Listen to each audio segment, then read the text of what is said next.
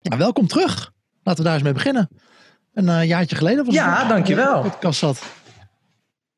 En toen ja, hebben we gehad. De tijd over sowieso nu tussen. Allemaal dingetjes die jij persoonlijk uh, aan het experimenteren was. Daar komen we zo nog even op terug. Ja.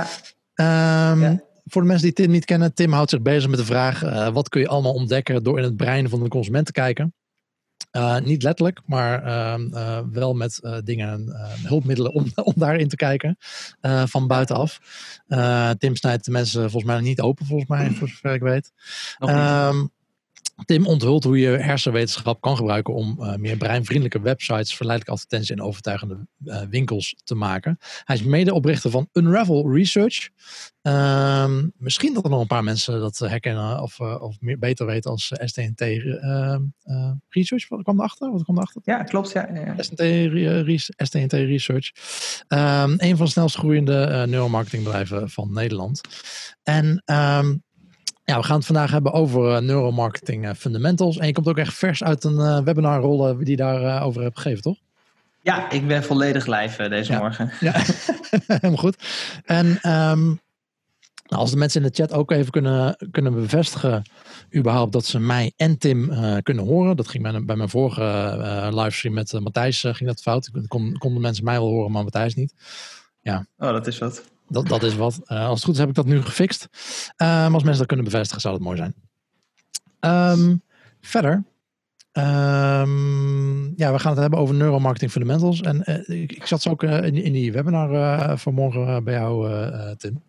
Ja. En um, ja, ik hoorde daar wel wat interessante dingen bij komen. Top, ja. Ja, sowieso uh, um, vond ik het wel een interessante AB-test die jullie gedaan hebben met uh, uh, rood-oranje foutmelding in een formulier. Ja. zal ik daar wat meer over uitweiden? Ja, vertel. Ja, ja, top. Ja, dus uh, misschien handig om te weten vooraf waarom dat uh, gingen testen. Dus uh, we doen met EEG en eye tracking heel veel onderzoek. Nou, dat doen we op reclames, winkels, maar ook op websites. En wat we dus bij een usability onderzoek zagen, is dat wanneer men eigenlijk door zo'n formulier heen ging, hè, dus men bestelde iets op een website, dan moet je wat gegevens invullen, je voornaam, achternaam, waar moet het überhaupt heen. En um, bij een aantal participanten zagen we dat wanneer ze iets vergeten waren, dat er natuurlijk weer zo'n rode foutmelding kwam. En eh, zo'n foutmelding met val alsjeblieft je voornaam in. Om iets dat doet pijn in je brein.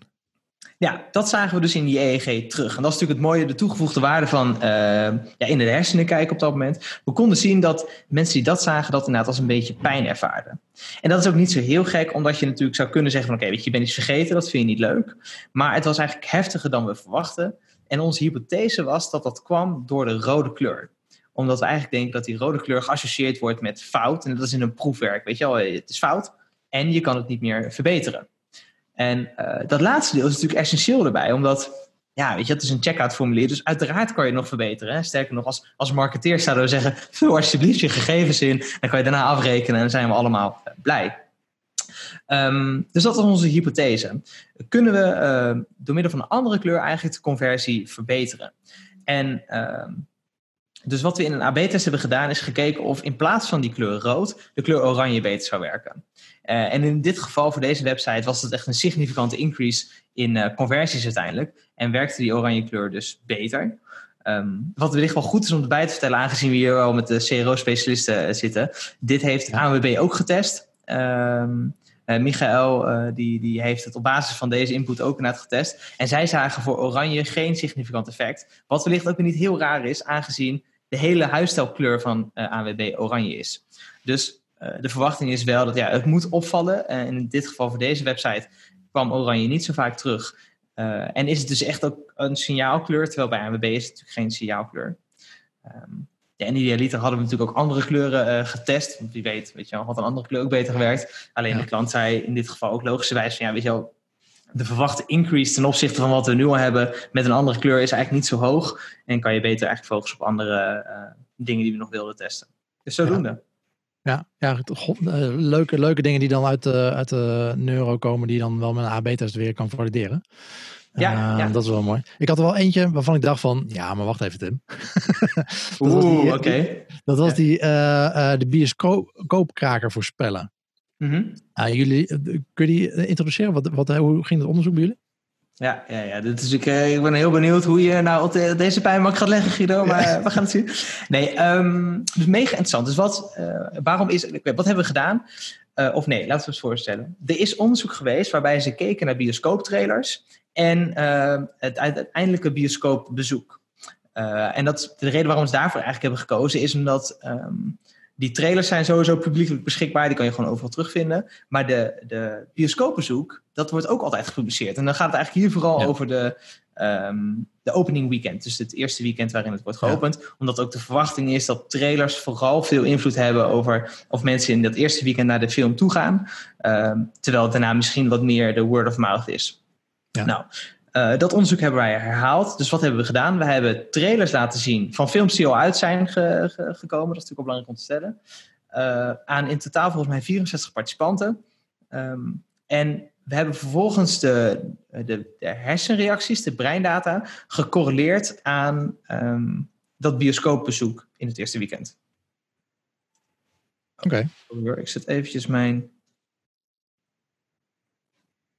Even zien. Gaat het nog goed? Hoor je me nog? Mooi. Ja, sorry, mijn uh, telefoon die, uh, die denkt af en toe dat hij ook nog eventjes wat uh, moet doen. Um, dus dat hebben we eigenlijk gekeken. En dat is dus wel, het is, het is een verklarende studie.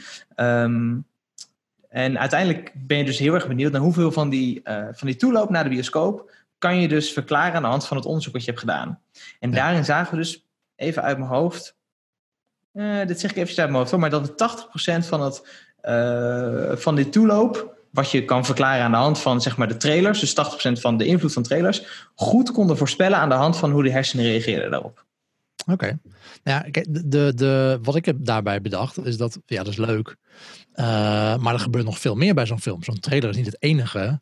Uh, er gaan enorme marketingbudgetten uh, in zo'n film zitten. Mm -hmm. buiten die trailer om, zeg maar.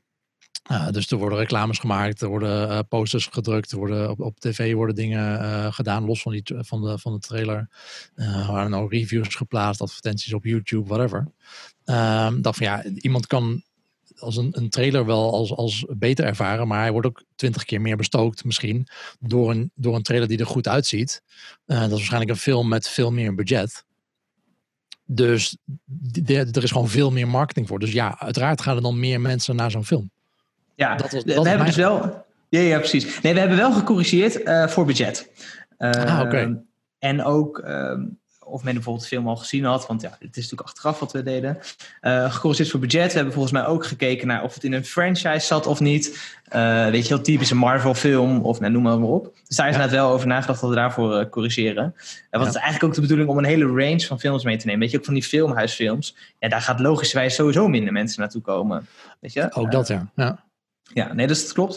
Uh, maar ook inderdaad, dat is ook weer mooi. Het marketingbudget was ook weer iets wat publiekelijk beschikbaar is. Ja, uh, ja, ja precies. Het hele budget van de film. Dus dat, daar hebben we inderdaad voor gecorrigeerd. Ja, marketing bij films is soms echt 90% van, uh, van het budget of zo. Zelfs bij derde dure films. Oh ja, dat is het. Hele, hele, van die Marvel films, zeg maar. Dat heeft ja, ja. veel marketing geld in omgaat. Ja, bizar. Er gaat sowieso veel geld in om natuurlijk. Maar het is wel... En het leuke eigenlijk is dus dat dit... Um, dat we dit dus goed konden uh, verklaren, of eigenlijk dus uiteindelijk voorspellen. Want stel dat je dus nu zegt, kijk, we, we kunnen niet uh, bioscoopbezoek aan zich nu vooruit gaan bestellen, voor, voorspellen. Want dat is natuurlijk heel erg afhankelijk van verschillende factoren. Maar ja. stel dat jij, dus de praktische toepassing, daar gaat het eigenlijk over, hoe zij dit kunnen inzetten. Nou, stel dat jij dus meerdere trailers hebt en wil weten van, oké, okay, waar moet ik nou volledig op inzetten? Want je gaat ja. heel veel marketingbudget daarheen besteden. Dan kunnen wij perfect zeggen van, deze trailer scoort het beste in het brein. Dus hier zou ik het meest op inzetten. Ja. Of stel dat jij als, uh, als bioscoop moet je kiezen van oké, okay, weet je, ik heb aanbod van tien films, maar er gaan er maar twee, uh, uh, weet je, gaan wij echt pro promoten. Welke twee zijn dat? Nou, ook dan kan je weer zeggen van joh, we stoppen die trailers erin, we kijken welke twee het hoogste scoren. En dan is de grootste kans dat die twee die het beste eruit komen uit onze breindata ook weer het beste naar gaan scoren. Ja. Zo wil je het uiteindelijk gaan inzetten. Cool. Hey, voordat we verder gaan over, over neuromarketing. ja, wat ik zei in, de, in het begin, we hebben jou... Um vorig jaar leren kennen als iemand die ook uh, niet alleen maar experimenteren uh, toepast in het businessleven, uh, maar ook, ook persoonlijk. Ja. Ehm, bijvoorbeeld met je slaapritme, dat soort dingen. koud douchen kwam, kwam voorbij. Dus ik ben wel benieuwd wat je, wat je sinds de vorige aflevering nog gedaan hebt. Of er nog succesvolle experimenten bij zaten. En, en ook niet succesvol natuurlijk, dat willen we allemaal weten. Ja, ja, ja. ja. Ik, um, ja, ik moest ook vooral nog eens weer terugdenken inderdaad. Van oké, welke experimenten heb ik toen allemaal gedaan? Um, en wat, waar ben ik nu nog mee bezig? Um, nou is het sowieso eigenlijk wel um, misschien wel leuk. Wat, wat veel mensen misschien wel herkennen is dat dat hele corona gebeuren, dat heeft heel veel van mijn habits afgebroken. En uh, dat is zonde. En dat komt door de Keystone Habits. En een Keystone Habit is eigenlijk iets wat je altijd doet, waar je iets kan uh, ophangen.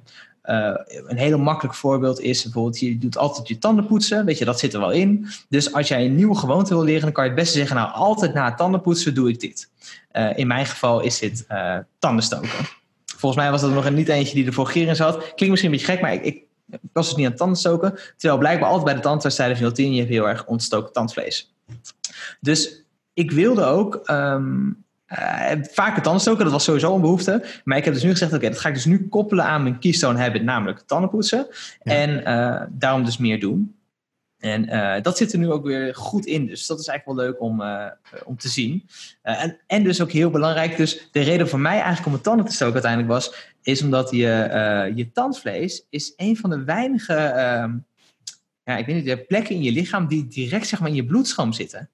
Dat wist ik dus niet. Maar, uh, die direct in je bloedstroom zitten? Nou ja, dit, dit leg ik natuurlijk helemaal verkeerd uit. Maar um, dus ontstoken tandvlees, die ontstekingen komen direct je bloedbaan in. Ah, dat is eigenlijk dus die ontsteking. Ja, ja precies. Ja. Dit, dit, dit geen bescherming zoals we normaal huid hebben. Uh, ja. bij, bij tandvlees uh, is het veel directer, uh, komt het in je bloed terecht. Ja, okay. ja. En uh, daarom is het bijvoorbeeld ook zo, volgens mij, als je bijvoorbeeld chemobehandeling uh, doet, weet je, en is je afweersysteem ook laag, dan, dan zijn ze ook heel erg uh, gericht volgens mij op dat je geen tandvleesontsteking hebt, omdat dat dus best wel een groot effect heeft direct op je lichaam. Ja. Um, en, en, ik bedacht dus voor mezelf dus ook van ja, ehm, dat, dat kan niet goed voor je zijn, weet je, constant een ontstekingsreactie in je lichaam nee. te hebben. Dus dat was voor mij eigenlijk de, de, de, de, ja, de, reden, de reden uiteindelijk waarom ik dit ben gaan doen. Uh, maar goed, dus dat is even over die keystone habits. Maar wat is dus nu belangrijk met uh, corona? En dat zullen meer, mensen hebben ervaren. Opeens is alles een beetje anders. Dus je kan niet meer naar werk fietsen. Uh, weet je, al je usual habits zijn er bijna uit. Niet allemaal, maar wel veel. Opeens zit, zit, zit ik thuis met mijn dochter, weet je wel. Dan ben ik een halve dag aan het oppassen, een halve dag aan het werken. Nou, noem maar, maar op. En waardoor je dus ziet, dus heel veel van de dingen die je hebt opgebouwd, opeens niet meer doet. Dus ik ben ook gestopt met koud douchen. Uh, weet je, omdat ik aanvankelijk dacht, oeh, weet je, ik heb een klein beetje kuchie, misschien moet ik niet gaan koud douchen, weet je, want toch even gevaarlijk zo met je afweersysteem.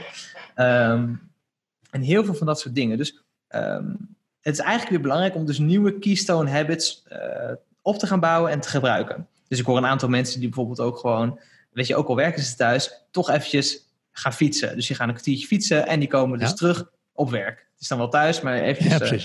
Ja, uh, dus dat kan wel goed werken. Uh, dus dat eigenlijk voor, voor gewoontes. Dus dat lijkt me ook een hele goede voor mensen om dat weer uh, op te pakken. Uh, het koud douchen heb ik inmiddels weer opgepakt deze week. In, onder andere ook omdat ik dus ter voorbereiding van deze podcast dacht... Hey, Tim, even terug hier. dus, dat is ook, oh, dus we moeten deze podcast gewoon vaker doen. Ja, ja nee, maar goed, dat zie je natuurlijk ook. En waarom mensen stoppen met roken. Een effectief iets om stoppen met roken is ook publiekelijk te vertellen dat je dat gaat doen. Zodat je ook een soort publiekelijk geshamed kan worden als je het niet meer doet. Ja. Um, maar wat wel heel tof is, een van de experimenten die ik heb gedaan begin dit jaar, uh, is twee maanden suikerloos gaan. Uh, het experiment was namelijk om te kijken of ik verslaafd was aan suiker. Of eigenlijk misschien beter moet ik zeggen, of ik ook zonder suiker kon. Um, omdat ik, de, de, reden daarvoor was eigenlijk omdat ik een podcast had geluisterd op vakantie van een of andere uh, professor uit Amerika die, die helemaal gespecialiseerd is in fruitsuikers. En hij zei dus eigenlijk dat dat rijp fruit eigenlijk helemaal niet zo gezond is als dat we denken. En dit vond ik best wel een eye-opener. Want ik dacht, okay. hè, tuurlijk, fruit is gewoon gezond, twee stuks fruit per dag. Ja. Um, en melk natuurlijk, je... dat hoort ook in het lijst thuis, volgens mij de dingen niet zo heel... Precies, uh, melk is gezond ook. Um, ja. Terwijl hij zei van joh, uh, als je kijkt naar dieren, en dat is natuurlijk op zich wel goed uh, om daar zeg maar, naar te kijken, dan zie je dus bijvoorbeeld dat dieren die in een winterslaap gaan of een trektocht gaan maken, die gaan rijp fruit eten. Uh, omdat ze daarmee de suikers binnenkrijgen. En die suikers zorgen er vervolgens dan weer voor, die fruitsuikers dan wel specifiek, dat uh, vet beter wordt opgeslagen. En um, dat zie je dus ook, zeg maar, gebeuren bij dat soort dingen. Terwijl, ja, weet je, de laatste keer dat ik een trektocht uh, hield, nou, dat was eigenlijk wel non-existent. Ja. Dus het is voor mij waarschijnlijk niet nodig om elke dag twee stukjes rijp fruit te eten. Dus dat heb ik ook teruggebracht naar twee keer per week. Ja, want er zitten natuurlijk wel genoeg vitamine en mineralen in. Maar die kan je ook eigenlijk al binnenhalen met je groentes, is het idee. Ja. Nou, uh, dus wat ik heb ik gedaan? Twee maanden was eigenlijk kijken, kan ik dus zonder die suiker? Dat was eigenlijk de grootste uh, struggle. De vorige keer was het, uh, weet je, kan ik zonder Netflix? ook een hele interessant natuurlijk om, om te zien. ja. En nu was het dus, kan ik zonder suiker? Nou, en inmiddels lijkt... kan, kan, ik zonder Amazon Prime, kan ik zonder Disney Plus, kan ik zonder... Holy moly, hè? Wat is, weet je, voor je het weet heb je weer 30 euro per maand aan abonnementen ja. voor tv. Oké. Okay. Um, dus dat was het experiment. Nou, ik merkte dus dat die eerste twee weken eigenlijk best wel zwaar waren. Nou, zwaar is meteen overdreven. Maar ik had het er wel een beetje moeilijk mee. Uh, vooral chocola en brownies, zal ik uh, meteen erbij zeggen. Dat was echt wel dat ik dacht, ah crap, waarom kan ik die nou niet eten, weet je wel? Ja. Um, ik heb wel eens daarbij... uh, volgens mij gezien, of ge, misschien zelfs wel ge, geproefd van, van suikervrije brownies. Maar dat, ja, dat, dat doet dan niet. nee, ja, weet je wel. Maar oké, okay, dus um, en wat ook wel interessant is, ook geen nepsuikers. Want heel vaak dronk ik uh, cola zero bij mijn eten. Ja. En je zou zeggen, joh, maar er zit toch uiteindelijk geen calorieën in. Maar er, is, er was ook weer een aantal onderzoeken geweest die zeiden van, joh, maar omdat je lichaam wel denkt dat ze suiker binnenkrijgt, gaat wel zeg maar die hele productie op gang om dat een beetje te gaan verwerken. Uh, en dat is ja. dan ook weer niet per se goed voor je blijkbaar. Uh, dus daar ben ik ook mee gekapt. Dus ook geen nepsuikers. Dus in principe heb ik geprobeerd geen toegevoegde suikers. Weet je, in, in yoghurt zit uiteindelijk ook een beetje suiker, maar niet toegevoegd. Het zit van nature aanwezig. Ja, nou, het is, de uitdaging daarbij is dat ik, ik probeer er wel op te letten, zeg maar. Maar het zit, in, nou, zeker als je naar een supermarkt gaat, er zit in zoveel dingen zit suiker. Zelfs als je bijvoorbeeld, waar je niet, ook niet bij stilstaat, dat, ik koop gewoon een biefstukje. Uh, voor de mensen die niet vegetarisch zijn. Stel je koopt ja. een biefstukje, zit Ve daar ook vegetarisch gewoon... eten, hè? Vegetarisch ben je niet. Oké, ga verder, ja. maar daar zit net. ook gewoon suiker in gespoten. Dus er zit gewoon, uh, en er staat niet suiker op, maar er staat er uh, dextrose, maltose, een van die 30.000 varianten, zeg maar. die, ja. Oké, okay, maar misschien moet ik eventjes inbreken hier, Guido. Ja. Jij koopt je, biefstuk denk ik gewoon bij de supermarkt. Of gewoon. ik, heb bij de ik heb in de slager gewerkt, vroeger al, toen ik ja? nog mijn zaterdagbaantje was bij de slager. Uh, een goede biefstuk, daar gaat niks in. Nee, dus nee, als jij je biefstuk gewoon bij de biologische slager of iets dergelijks haalt, er ja. zit er geen suiker in. Nee, nou ja, en tegenwoordig uh, proberen we ook heel erg hard ons best te doen uh, met vegetarisch eten. Dus ik koop sowieso geen biefstukjes meer. Dus. Ja, maar, nee, ik ook. Overigens zie je dus dat mensen compenseren, compenseerden moet ik zeggen, in restaurants. Dus dat ze daar maximaal wel meer vlees gaan eten. Oh, echt? Dus de, de, ja, de totale vleesconsumptie is blijkbaar gewoon een beetje gelijk gebleven. dat las ik al een tijdje terug. Uh, maar omdat iedereen dus nu, zeg maar, als ze uit eten gaan denken, ah, maar dan ga ik nu, weet je, ik eet, weet je, de meeste mensen zijn flexitariër, ik ook. Uh, en dan, dan ga ja, maar dan ga ik oh. echt even een goed biefstukje. Huppakee, twee kilo biefstuk, weet je wel. twee kilo? Oké, okay, ja. jij gaat wel echt los als je naar een restaurant gaat. We gaan, ook, we gaan elkaar geen mietje noemen hier, hè? nee, uh, ja. Dus nee, dus dat is... Uh, um, dus maar inderdaad, over de supermarkt dus. Je loopt dus die supermarkt in en opeens denk je, holy moly, ik, ik, kan eigenlijk gewoon niks meer kopen. Behalve weet je, bij de groentesectie. En uh, de, bijna alles zit er suiker in. Dat vond ik ook een heel interessante uh, realisatie. Ja. In saus en dergelijke. Weet je, was, had ik nooit zo bij stilgestaan. Maar ketchup, joh, de helft is suiker. Ja. Nou, uh, van die pakketjes, van die, van die wereldgerechten, zeg maar. Van die, van die pakketjes om, om makkelijk een gerecht ja. mee te maken. Ja, dus heel, heel, veel suiker in heel vaak. Ja, ik, had, ik heb zo'n boek, weet je, zo'n receptenboek. Dat heet dan het zonder pakjes en zakjes kookboek van volgens mij zo'n Karin, weet je. Top. En dacht ik, nou, daar stond ook in, kan je zelf saus maken? En ik ga, dat ga ik doen. Weet je, ga ik zelf ketchup maken? Wat staat er in dat gerecht? Weet je wel, hup, voeg 50 gram suiker toe. Ik, ja, daar zijn we nog steeds. Blijkbaar valt ketchup gewoon niet lekker te maken zonder suiker. Maar, maar uh, daarnaast ben ik ook nog uh, extra gaan vasten. dus ik deed eigenlijk al heel lang uh, vasten. Dus dat, ik eet zeg maar in een beperkte tijd, tijdswindow. Dat ja. was eerst 13 uur niet eten en dan dus 11 uur wel. Uh, en dat heb ik nu teruggebracht naar uh, 16 uur niet eten. Dus ik stop om 8 uur s'avonds met eten en ik begin weer om uh, 12 uur. Um, dus dat heb ik erbij gedaan. Maar nou is het dus bizar, want daar was eigenlijk dit, dit experiment. Het is niet per se voor, maar wat merkte ik dus? Die kilo's die vlogen eraf. Ja. Ik ben dus 9 kilo afgevallen. Onbewust. Nou, niet onbewust, maar niet bedoeld. En broeken passen niet meer. Ik krijg complimentjes van mijn vriendinnen over mijn lichaam. Dat kreeg ik daarvoor niet zo druk. Dus het is echt... Uh, ja, maar dat is, dus bij mij deed ik... Uh, ik heb dus meerdere dingen gedaan. Ik, ik slikte ook nog resveratrol erbij. Dat is zo'n fasting mimicking compound. Dus dat, dat zal ook bij hebben geholpen. Ik, ik heb dus langer niet gegeten. Dat helpt natuurlijk ook bij. Ik ben om acht uur stop, stop ik met eten. Dus ik snack ook minder logischerwijs.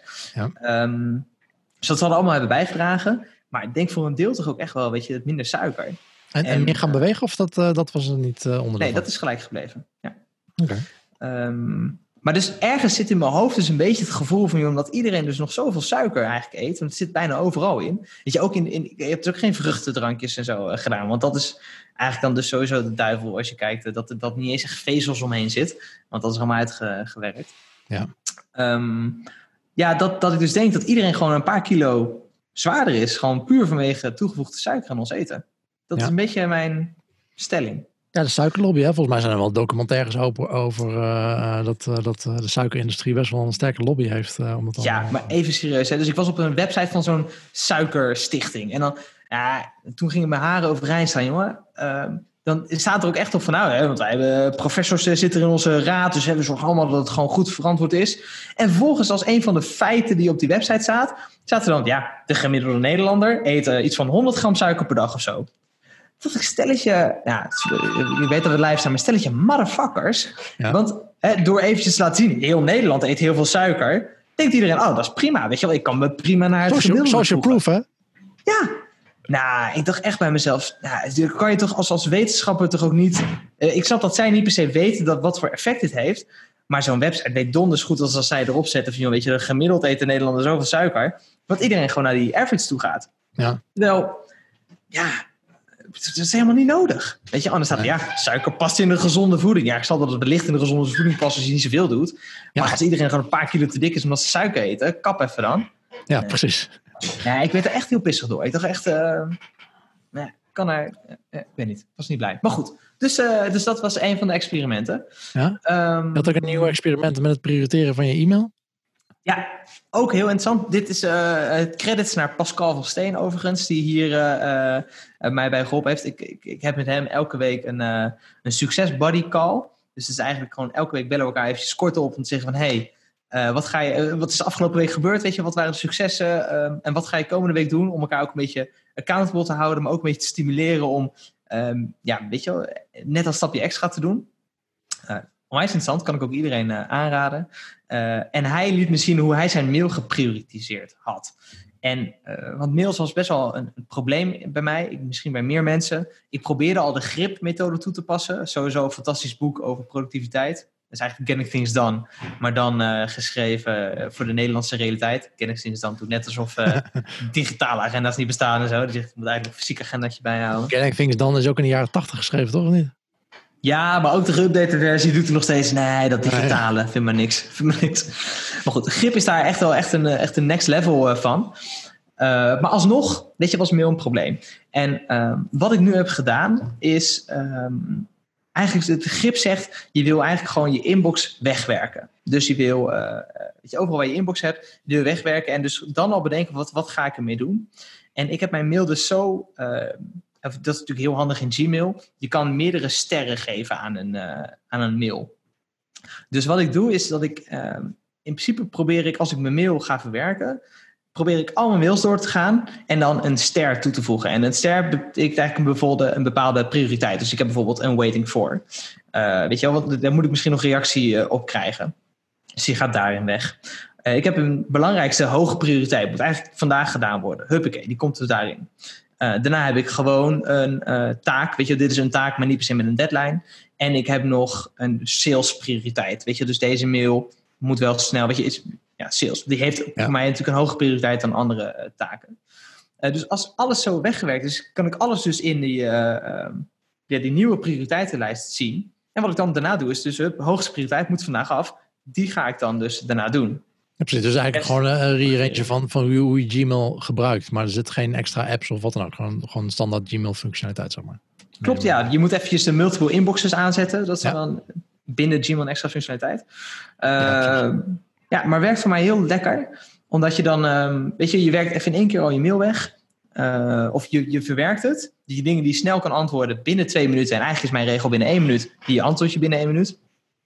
Um, dat, dat is nog wel echt zo'n cut-off point. Want heel vaak denk je, ah, die kan ik wel even snel antwoorden. Maar bijna elke mail weet je, ben je langer dan een minuut of twee minuten mee bezig. Dus je moet eigenlijk toch die takenlijst in. Um, maar dat werkt heel goed. Maar dan moet wel meteen een tweede puntje erbij eh, komen. En dat is namelijk eentje die ik pas recentelijk toepas. En dat is eigenlijk zorgen dat je je eerste drie uur uh, in de ochtend focustijd hebt. En uh, dat betekent eigenlijk zoveel als dat ik mijn monkey brain niet wil aanzetten. Uh, en dit is wel een, een, interessante ook. Het idee is eigenlijk dat um, ik weet niet of we dit zeg maar, zeker als, als een, uh, weet je, een beetje in de psychologie hoek, of dit nou een echt ding is, weet je, je monkey brain. Maar uh, het idee is eigenlijk dat op het moment dat jij een heel klein taakje, deed het, dat je een kleine nuts krijgt, dat je dan heel snel in zo'n modus ook komt. Weet je, dus uh, s ochtends, weet je, je opent je telefoon en je doet direct even al je berichten wegwerken. Dan heb je heel snel zo'n lekker gevoel, want je hebt je berichtjes weggewerkt, je notificaties weg. Dus je kleine dopamine shots. En um, het idee is dat als je daarmee begint, dat je constant zeg maar, die, die kleine dopamine shots nodig hebt om weer zeg maar, een soort gratification te krijgen. Uh, en dat het eigenlijk helemaal niet uh, handig is. Dus het slimste is om je ochtend te beginnen, je eerste drie uur in focuswerk. Waarin je dus zeg maar alle mails, alle notificaties eigenlijk probeert weg te krijgen. En zodat je echt zeg maar een grote steen weet te verplaatsen. Weet je een groot project die je nog wil doen. En pas daarna in die kleine dingetjes zeg maar gaat. Dus um, mijn mail verwerken, wat, je, wat ik net over had, dat moet eigenlijk pas na die drie uur. Want anders ben je dus alsnog zeg maar, heel erg korte dopamine shots bezig. Want ik zie, ik volgende mail, volgende mail. Ik doe mijn sneltoetsen in Gmail, weet je. Dus het gaat er echt bam, bam, bam, ga ik er doorheen. Ja, dat moet je dus eigenlijk pas na je focustijd doen. Ja, daarom ben jij vandaag begonnen met uh, drie uur livestream. Ja, precies, grote, ja, dus dit is het enige jammer op woensdag inderdaad. Mee, ja. Weet je, ik, merk, ik denk, mijn hypothese is dat mensen s ochtends uh, dus mijn webinar was vanochtend om tien uur. Dat je makkelijker zeg maar, dat gaat doen, omdat je nog niet, je dag is nog niet heel erg uitgelopen. Weet je, als je je webinar aan het einde van de dag doet, dus dat zie ik heel vaak. Ik denk, oh ja, nee, nee, ik heb zoveel dingen te doen. Weet je wat, ik sla hem wel even over. Zit ik eindelijk in die flow? Om vier uur is er een webinar. Ja, ja, ja nou, nou, of weet je, denk je ook, ik heb nog maar, nog maar een uurtje, ik moet even doorgaan. Ja, ja dus precies. Dat was, uh, ja. ja heel dus cool. dat, uh, maar die monkey brain, dat vond ik wel interessant. En een ja. van mijn volgende experimenten overigens, uh, dat wordt om te kijken of ik kan afkicken van mijn telefoon. Oké. Okay. Um, ik weet niet of jij dit ook hebt, maar ik heb wel eens dat ik dan s'avonds, als je dan na het eten, dan zie je thuis. En dan denk je, ja, weet je, ik ben helemaal klaar. Ik ga even Netflix kijken of zo. Of weet je, iets wat dat lekker gewoon snel even, even terugkrijgen. Hm. Heb jij dat ook? Uh, ja, nou zo, sowieso. Nou, niet Netflix op mijn telefoon, dat niet. Maar uh, nee. de telefoon is wel zeker een verslaving, ja. Ja, ja of uh, eigenlijk gewoon hetzelfde voorbeeld. Als ik dan op de trein sta te wachten of iets anders, weet je, even een klein momentje, hup, direct telefoon erbij. Even direct, weet je wel. En dus ik zag laatst een YouTube-filmpje en die deed me dus wel uh, realiseren. Wat hij eigenlijk zei, ook weer met de dopamine. Hij zegt steeds als je dus toegeeft aan die slotmachine, dus je telefoon die dus een kleine prikkel aan dopamine geeft, omdat je een notificatie krijgt. En dat kan goed of slecht zijn vanuit de slotmachine. Dus je constant die prikkels wil. En um, zijn hypothese is dat um, je dus een beetje verslaafd raakt aan, aan die prikkels. Dus, dus constant zeg maar, je, je, je threshold om dus weer die dopamine shot te krijgen, eigenlijk heel hoog ligt.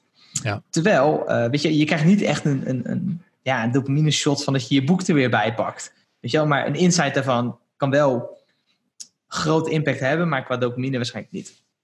Dus hij zegt, ja, wat je gewoon eerst moet doen, is gewoon afkicken van die dopamine shots. Je moet je baseline weer terugkrijgen, zodat een kleine verandering weer een relatief voor je gevoel groter effect kan hebben. Maar moet je het dan gaan vervangen door andere dopamine shots die, die wat gunstiger zijn voor je? Of moet je echt uh, cold turkey uh, overstappen op een 3310? Nou, ja, zijn, zijn uh, hypothese is dat je dus eerst moet afkicken. Dus dat betekent na het cold turkey, uh, of nou, misschien niet cold turkey, maar wel na het zorgen dat je threshold gewoon lager wordt. Ja, dat, dat kan alleen door na daarvan af te kicken. Gewoon net als dat um, je met ehm, eten aan het vasten bent, ga je ook uh, met je telefoon vasten. Gewoon tussen bepaalde oh. uren of bepaalde momenten. Oh, dat is wel een goed idee, Guido. Dankjewel. Ja, dat gaan we misschien wel doen, ja. Maar wat je dus daarmee misschien ook wel creëert, is wat ik ook inderdaad eigenlijk wel graag wil, is bijvoorbeeld meer in het nu leven.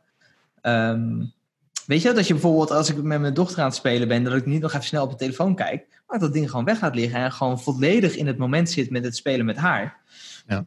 Um, en dat, dat lukt me wel steeds beter, maar ik denk dat als je inderdaad even meer afkikt ervan, um, dat je dan dus ook makkelijker denkt in zo'n onbezonnen moment, denk, joh, ik kijk eens even om me heen, weet je wel. Dat je gewoon, ja, ja het klinkt een beetje zweverig, maar ik had een, een oud huisgenootje, of een huisgenootje vroeger toen ik nog studeerde, uh, Evert. En die zat heel vaak in zijn kamer, gewoon met zijn benen een beetje op zijn, uh, uh, um, beetje in het raam, zeg maar, weet je, in, in het, ja. de, denk, ja goed, zat gewoon een beetje naar buiten te kijken. En eigenlijk is dat heerlijk, weet je wel, gewoon even niks doen. In plaats van constant die telefoon erbij om dat laatste ding te zeggen, wat toch geen, geen nut heeft, niks niet. Ja. En mijn hoop is dan dus dat ik na, daarna dus zeg van, hey, dat je wat minder uh, die craving hebt en dus makkelijker zegt, ik geniet van dit moment. Ik pak ik een boek. Ik merk dat altijd wel als, als je op vakantie bent, zeg maar. Dat je dan de eerste paar dagen ben je nog aan het afkicken. Ja. Uh, maar daarna denk je van, ja, uh, die telefoon. En, en, dan word je soort van geforceerd om er niet mee bezig te zijn. Want je, know, je bent onderweg naar iets of je ligt op het strand en, en je bent andere dingen aan het doen. Hm. de eerste dagen voelt het nog onwe onwennig, maar daarna voelt het wel steeds prettiger. Dat is eigenlijk ja, net zoals met die, met die uh, sugar addiction, denk ik. Uh, en misschien wel uh, elke addiction. Dat de eerste, eerste periode is natuurlijk vervelend. Ja. Maar daarna wordt het steeds fijner. Ja, ja dus daar, daar wil ik eigenlijk van. Dus dat is mijn volgende experiment. Ja, heel goed. Hey, laten we teruggaan naar de, de neuromarketing fundamentals. Ja. Je hebt daar een cursus voor gemaakt, of, of die is nog in ontwikkeling. Um, vertel, wat gaat er in die cursus zitten? En waarom maak je de cursus? Ja, nou kijk, um, ja, er zijn een aantal dingen die samenkwamen. En wellicht uh, leuk om te weten, we hadden vorig jaar al een, een cursusplatform gemaakt. Dus dat was eigenlijk voor onze uh, klanten of onze uh, mensen waar we wel contact mee hadden, maar waar het nu eventjes niet relevant voor was, hebben we um, een reclametraining gemaakt, een neuromarketing reclametraining. En in feite in die training komt alles terug van wat we weten wat effectief is rondom reclames. Boodschapsstrategieën, noem allemaal op. Nou, dus dat stond eigenlijk al een jaartje. Uh, daar zaten wat cursisten in. Daar kregen we leuke feedback op. Top. Uh, nou, corona kwam, dus we moesten even stilzitten. We konden geen onderzoek doen. Dus um, toen dachten we, oké, weet je wel, um, never waste a good crisis. Wat gaan we doen? Nou, aan de ene kant zijn we dus qua business, oké, we gaan focussen op het online onderzoeken wat we konden doen, dus dat liep. Maar tegelijkertijd dacht ik ook, weet je wel, iets wat ik al langer uh, ja, wilde doen, is dus een cursus opnemen over de fundamentals van neuromarketing.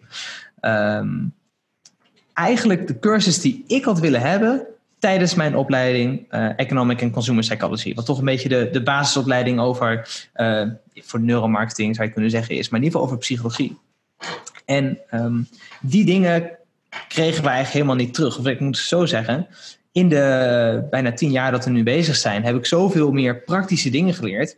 Want ik wil, ja, weet je, als iedereen dit maar uh, wist, weet je, die, die er interesse in had over, weet je, hoe doe je goed onderzoek? Um, maar wat is er überhaupt, waarom doe je onderzoek uh, door in het brein te kijken? En wanneer is het dan logisch en wanneer ook niet? Want ik merkte dat daar nog best wel wat onduidelijkheden over bestond, um, maar eigenlijk ook gewoon simpelweg geen kennis. Um, er zijn een aantal cursussen die er bijvoorbeeld ook waren. Uh, bijvoorbeeld eentje die bij de NIMA kan volgen. Uh, maar ik kreeg het soms al van mensen dan terug van als ze dan één keer een prestatie van mij hadden gezien, dat zeiden van je hebt hier al meer verteld dan ik überhaupt in die ene cursus van de NIMA weet je wel, heb uh, gekregen. Maar is de cursus echt bedoeld voor mensen die dan zelf neuromarketing onderzoek willen gaan doen? Of meer mensen die, die het, uh, bijvoorbeeld jullie klanten die het van jullie af of van, van andere partijen afnemen en dat beter willen begrijpen? Hoe, ja, nou, nou, dan kom je op een, een gevoelig punt, of niet per se gevoelig punt, maar de doelgroep, weet je. Uh, ja? Dit is een van de vragen die ik zelf ook stel. Ja, wie is een hemelsnaam mijn doelgroep? Ja. Um, maar ik zie mensen niet zo snel. Nou ja, sowieso nu is het ook voor jullie lastig, denk ik, om onderzoek te doen. Want ja, uh, uh, wie, wie ga je dat kapje opzetten als ze überhaupt niet langs mogen komen? Ja. of misschien niet willen komen. ga je kapjes naar, ga je naar mensen toesturen thuis en dan aansluiten? Dat is waarschijnlijk ook niet. Nee. Nee, nee, want die, die, die, die headset die wij gebruiken, die is best wel secuur in hoe je dat opzet. Het is bijna een soort medische ja kwaliteitsprocedure ja, die je hebt. Um, dus dat, dat, kunnen mensen absoluut niet zelf. Um, maar die, dus je zou kunnen zeggen, oké, okay, is dan het, de cursus voor mensen die ook dit willen gaan doen? Nee, ook weer niet per se. Uh, want je moet dan wel, zeg maar, die, ja, die, god, uh, zo'n zo'n heel lab hebben en, en apparatuur ja, en software. Ja. ja, weet je, een flinke investering die je moet maken.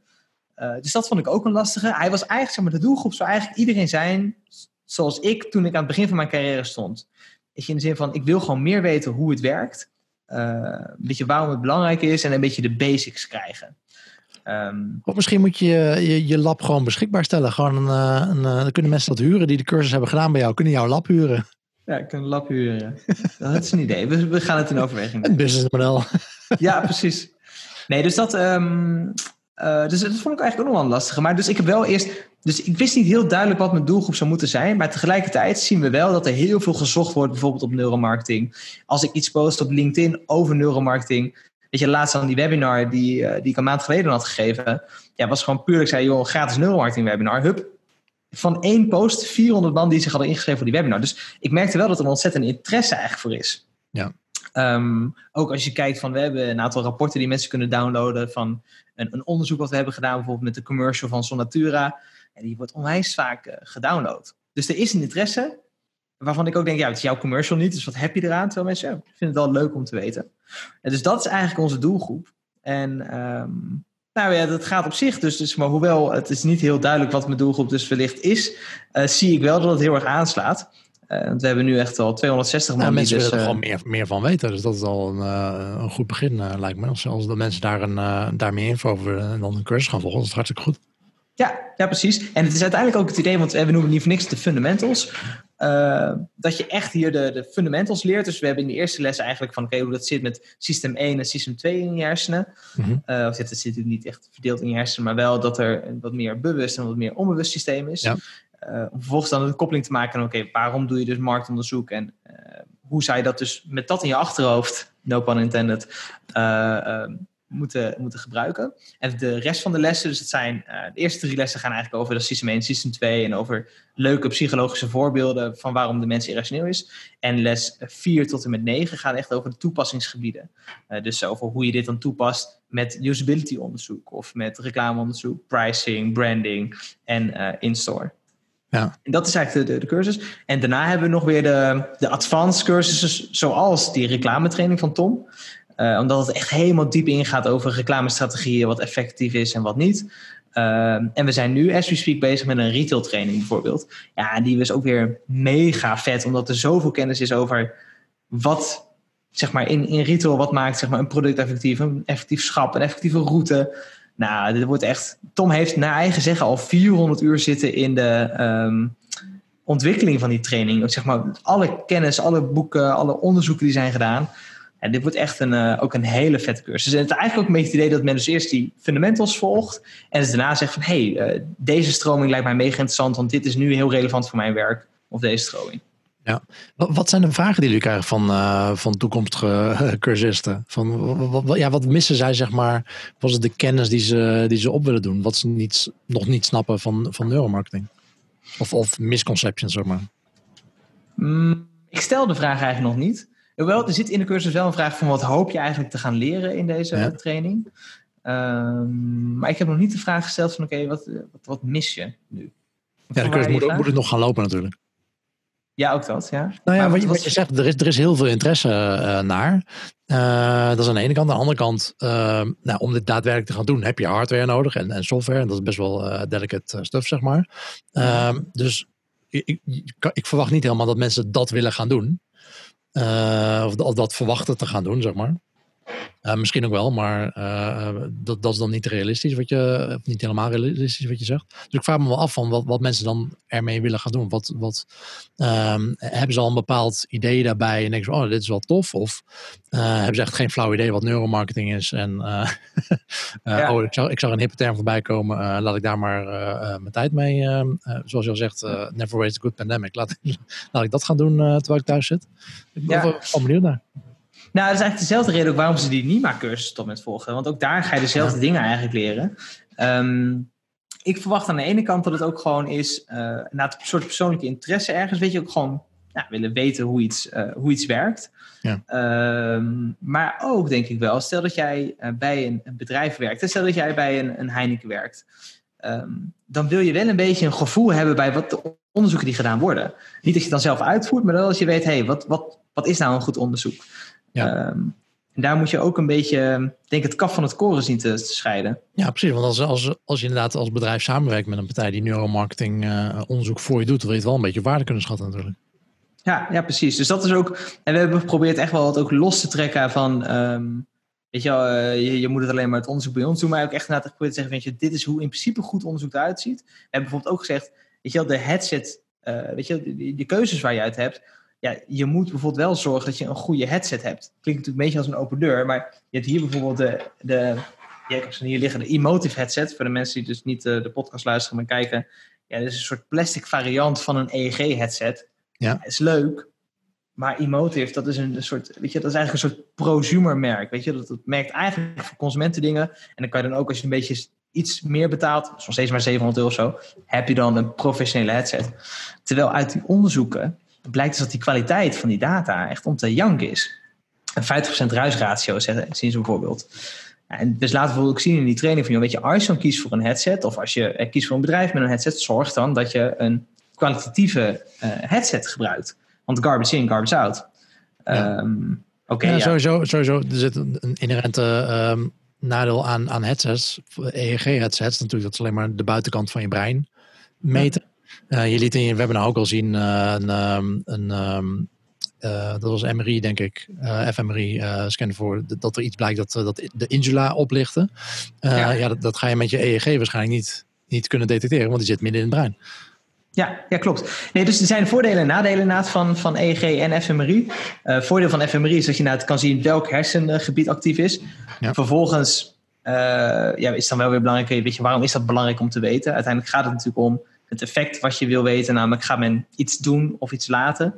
Um, en dat kan je met beide methodes relatief goed doen, waarbij fMRI dan goed is uh, om te zien dat welk hersengebied actief is. En dat over een langere periode eigenlijk weet te meten.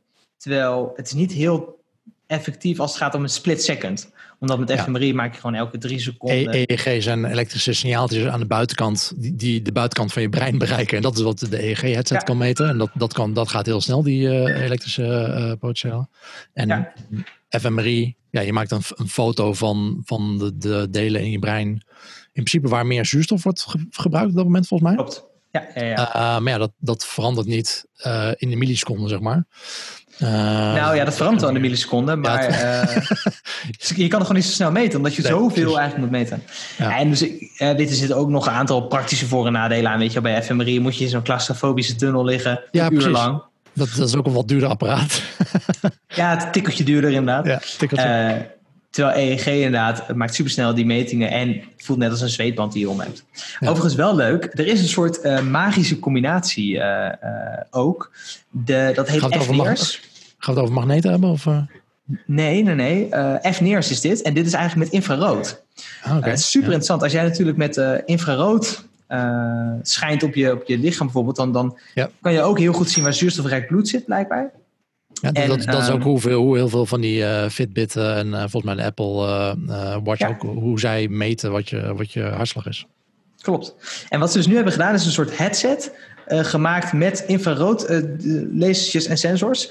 waardoor je dus ook super snel kan zien welk gebied actief is. En dat is eigenlijk een soort het huwelijk tussen EEG en ehm, fMRI. Omdat okay. je dus het nadeel van fMRI niet hebt van dat het traag is en in een grote ruimte zeg maar is. Ja. Uh, maar het voordeel van EEG hebt dat het gewoon je kan bewegen en uh, het als een soort headset op zit, relatief non-intrusive. Um, alleen wat je dan wel weer ziet, en dat is natuurlijk het lastige met dit soort uh, dingen, super interessant, maar er moeten wel weer onderzoeken worden gedaan om de effectiviteit goed te bewijzen. En dat hebben als voordeel fMRI en EEG nog wel nu. Die hebben dus al de onderzoeken waarbij ze laten zien van hé, hey, we kunnen ook daadwerkelijk gedrag voorspellen. Uh, en dat moet met FNIRS dus nog, uh, nog gedaan worden. Dus het is een hele uh, interessant opkomende techniek. Um, nou, tof. Ja, ik zit te kijken. Dat, de FNIRS, Functional Near Infrared Spectro Spectroscopy. Spectro yes. Spectroscopy. Zo, die gaat er niet uitkomen. Ja, probeer mij ook niet, um, ja, probeer mij ook maar, niet te laten zeggen wat waar EEG voor staat. Kom ik ook niet uit. elektroencefalogram. Son of a bitch. Ja, die, uh, dat heb ik vaker in mijn studie. nice, compliment hier. Maar dit, dit, is nog steeds, een, dit is een soort, nog steeds een soort kapje dat je opzet, zeg maar. Dus ik, ik ben wel heel benieuwd. Ik ga hier, ik ga hier uh, op inlezen. Dankjewel. Ja. nou ja, dat waarschijnlijk niet, maar gelukkig is er Wikipedia. hey, maar tof. Ja. En um, hoe, hoe lang duurt deze cursus? Uh, dus de cursus is negen lessen van 20 ja. minuten. Okay. Dus uh, nou, reken uit. Uh, we zeggen ook wel, en dit vind ik altijd wel een leuke, die uh, je luisteraars misschien ook kunnen waarderen. We zeggen negen, negen lessen van TED Talk lengte. Ja. dus dat is ook ongeveer 20 minuten, maar dan pak je mooi die associatie van TED, ja. TED Talks mee. Heel goed. En, en um, hoe, hoe werkt dat? Ik schrijf me in en dan kan ik ze allemaal in één ruk volgen? Of hebben jullie gewoon op, op gezette tijden dat je lessen vrijgeeft of, of live doet? Of hoe, hoe werkt dat? Nou, nu was het eventjes zo, omdat we dus nu nog... Uh, we gaan 5 juni zijn we echt helemaal uh, live met de, met de nieuwe propositie. In zoverre dat die dan... Uh, je kan hem helemaal volgen, maar tot die tijd was eigenlijk dat we elke week twee lessen live zetten. Gisteren ah, is de okay, laatste les live gegaan. dus in principe kan je nu alle lessen gewoon volgen in de volgorde die je zelf wil. Ja. er specifiek voor gekozen om niet een vaste volgorde aan te houden. Weet je, dat je niet verplicht wordt om les 1 te volgen en dan 2 en dan 3. Um, en in principe kan je die dus ja. gewoon, ja, gewoon volgen. En um, ja, het is, het is een online training, dus je meldt je aan en je kan direct uh, aan de bak als je wil. En uh, tot nu, zeg maar, als je dit nog luistert voor 5 juni, kan je uh, de early access korting krijgen. Het is mijn, mijn droom eigenlijk om duizend man erin te krijgen. Ja. we zitten nu op een goede 260. En wat ik heb gezegd is, elke 100 nieuwe subscribers die we krijgen, wordt er zeg maar zo'n stretch goal unlocked. Weet je, dat zie je met Kickstarter ja. natuurlijk ook. Maar dus hoe meer mensen, hoe meer waarde we toevoegen aan de training. Dus uh, bij de 200 die we al bereikt hebben, uh, is dat de certificaat die je straks uh, kan downloaden als je de training gevolgd hebt. bij 300 is dat de, een extra case study die we doen. Dus dan wil ik echt een case study les toevoegen over een reclame die we gewoon helemaal gaan ontleden. en bij 400 is dan een usability studie enzovoort. Zodat we steeds een soort extraatje toevoegen. En dat het echt een soort joint effort wordt vanuit de mensen om dus Precies. meer cursisten toe te voegen. Ja, ja, precies. En voor de duidelijkheid, die extra dingetjes die zijn voor dan voor iedereen beschikbaar. Niet alleen maar voor de mensen die later komen. Dus wacht, niet, wacht niet met, met uh, je inschrijven tot, totdat die extra's erbij zitten, want dan werkt het niet. Uh, nee, nee, nee. Ja, ik hoorde dat ook, uh, ik heb het offline een keertje, dat is echt 10, 15 jaar geleden gehoord. hoe ze dat deden bij een, ik ben even de naam kwijt. Volgens mij Curves, dat was een, of is, of wat, ik heb geen idee. fitness, volgens mij specifiek voor vrouwen. Ja. Um, en daar, wat, ze daar echt deden, dat je, zo, je kon dus uh, uh, zo'n circuitje afwerken in de, in de fitnesszaal. Uh, had je al 15 apparaten. Circuitje afmaken, kon je weer weg. Nou ja, sowieso kreeg je t-shirts van, oh, ik ben al honderd keer geweest, kreeg je een t-shirt. Ja. Dus al, allemaal um, nou, van die deelnemers die dan te rijk zijn uh, om dat, uh, om, om, wat dan ook, uh, wat voor reden ook, in, in, dikke auto's rijden, maar dan wel in, in zo'n t-shirt van Curse, van ik heb ben al honderd keer geweest. Ja, ja. maar ook wat ze ook deden van, ja, we hebben nu 125 leden. Bij 150 leden, dan krijgen jullie er een nieuw apparaat bij. En dat apparaat, dat zetten ze al in de fitnesszaal ingepakt. Nee. ah, maar dat is. Ja. Dus dat was hun idee van ja, als, we er 25, als jullie er 25 leden bij uh, weten te werven, dan krijgen jullie ja. dat apparaat erbij. Ach, dat is wel echt. Maar kijk, het, het, idee natuurlijk een beetje is dat, dat je uh, uh, dus meer geld hebt en dan dus kan investeren in dat apparaat. Als dat ding er al staat, zou ik denken, ja, jongens, hoe is de sfeer? Pak hem uit. dat dacht ik ook, ja. ja. En je, je hoort bij... Ja, ja. Ja, je hoort bij Kickstarter bijvoorbeeld, uh, weet je, Kickstarter doet het ook aan de lopende band. Hey, wow, als we deze stretch goal halen, dan uh, komt er ook iets bij. En je hoort inderdaad dat mensen, weet je, bijvoorbeeld een extra kleur, weet je, oh, dan krijgen we nu vijf kleuren. Ja, ja, dat ze ja, al lang bij die kleuren rekening hadden gehouden. Dat moet ook wel in je proces, weet je, dat je rekening houdt met de kleuren en zo. Ja. Uh, en dat je er ook wel vanuit gaat dat je die stretch goal gaat, gaat halen. Maar bij mij is dat niet, ik moet echt zeg maar straks die trainingen of die extra case studies gaan opnemen. Dus ik moet er echt... Ze zijn er nog niet. Ja. Nee, nee, niet. Maar nee, nee. Kom op, ik ben natuurlijk wel... Wel authentiek mensen zijn. Nee, precies, precies. Ja. Hey, cool. En wanneer gaat de cursus van start? Nou, dus je kan nu al inschrijven als je wil. Ja? en, en, dan kun je meteen... kan je meteen en alle lessen staan nu al live. Ja. Dus uh, als je wil, kan je nu al starten. En ik krijg tot nu toe, uh, dat is natuurlijk ook altijd wel spannend, uh, wel de, de, eerste reacties zijn al binnen van de mensen die alle lessen hebben gevolgd. En want ja. gisteren stond de laatste, is de laatste les ook online gekomen. Ja, ja mega leuke reacties. dus dat vind ik echt, echt heel tof. Goed zo. Hey, als laatste, we hebben nog iets van een klein tien minuutjes of zo. Um, heb je nog boekentips? Uiteraard, de boekentips. Wat? Ja, dus... Um, om maar meteen eentje te noemen die net al voorbij is gekomen, namelijk van de Keystone Habits. Uh, supergoed boek wat ik laatst heb gelezen, de Atomic Habits. Ja. Ja, echt een mega goed boek um, over habits toevoegen aan je leven. Weet je wel, dingen die je eigenlijk altijd al wil doen, weet je wel, maar je niet even de tijd voor pakt. Hij gaat helemaal terug zelfs naar dat je, um, naar je kern. Dat je ook echt zegt van, joh, ik ben een, uh, nou zeg even, ik ben iemand die veel boeken leest bijvoorbeeld. En op het moment dat jij dan echt die, die, die overtuiging hebt dat jij zo iemand bent, zie je dat je dus ook sneller dat gedrag gaat volgen. Klinkt allemaal heel logisch natuurlijk, maar je ziet bijvoorbeeld veel mensen die, uh, dat is natuurlijk het probleem met mensen die roken die zeggen, oh ja, dit is mijn laatste sigaret. Weet je wel? Die in de kern zijn ze nog steeds overtuigd, ik ben een roker. En ik ben iemand die geniet van mijn laatste sigaret. Nou, je, je ziet bij dat soort mensen, die gaan het gewoon niet, uh, niet halen vaak. Uh, al is het alleen maar omdat je heel erg zo was, daarop was gefocust. Terwijl de mensen die op een gegeven moment denken, joh, ik ben er wel een beetje klaar mee. En kappen met roken, dat je dat moment. werkt veel beter. Um, supergoed boek, absoluut een aanrader. Um, dan de volgende. Ik weet niet of ik die vorige keer heb genoemd. Maar if anything... Vorige vorige keer hebben we Factfulness was volgens mij... Uh, Oké, die hebben we vorige keer genoemd. Ja? Ja, blijft ook een goed boek. Ja. Dat is wel gek, want ik heb hem... Ja, zeker weten dat ik die vorige keer heb genoemd. Want ik heb nou, misschien heb, je die vorige, vakantie misschien heb je de vorige keer genoemd van die ga ik lezen. Die staat op mijn lijstje. Misschien was oh, dat... nee, die heb ik dus nu gelezen. Op vakantie. Ook een heel goed boek. Um, maar laten we het lijstje van voor achter ja? voor deze autisten aflopen. Dus Never Split the Difference.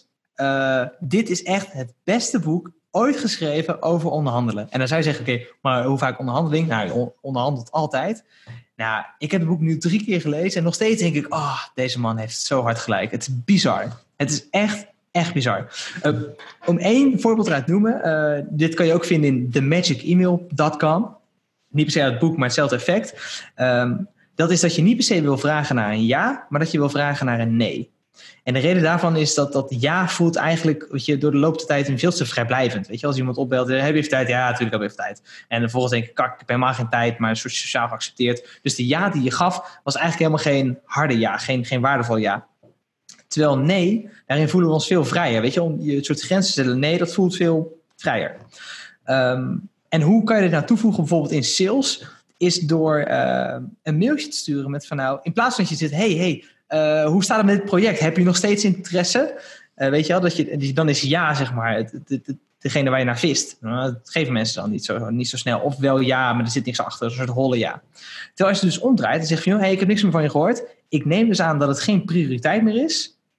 En waarop mensen dus als het daadwerkelijk geen prioriteit meer is, of sorry, als het wel een prioriteit is, dus nee moeten antwoorden. Van nee, nee, nee, nee, nee geen, geen zorgen. Uh, dat is ook antwoorden. En ik merk dat het mega effectief is. Dus gewoon simpelweg vragen naar de nee. En dat kan je in heel veel uh, dingen toevoegen.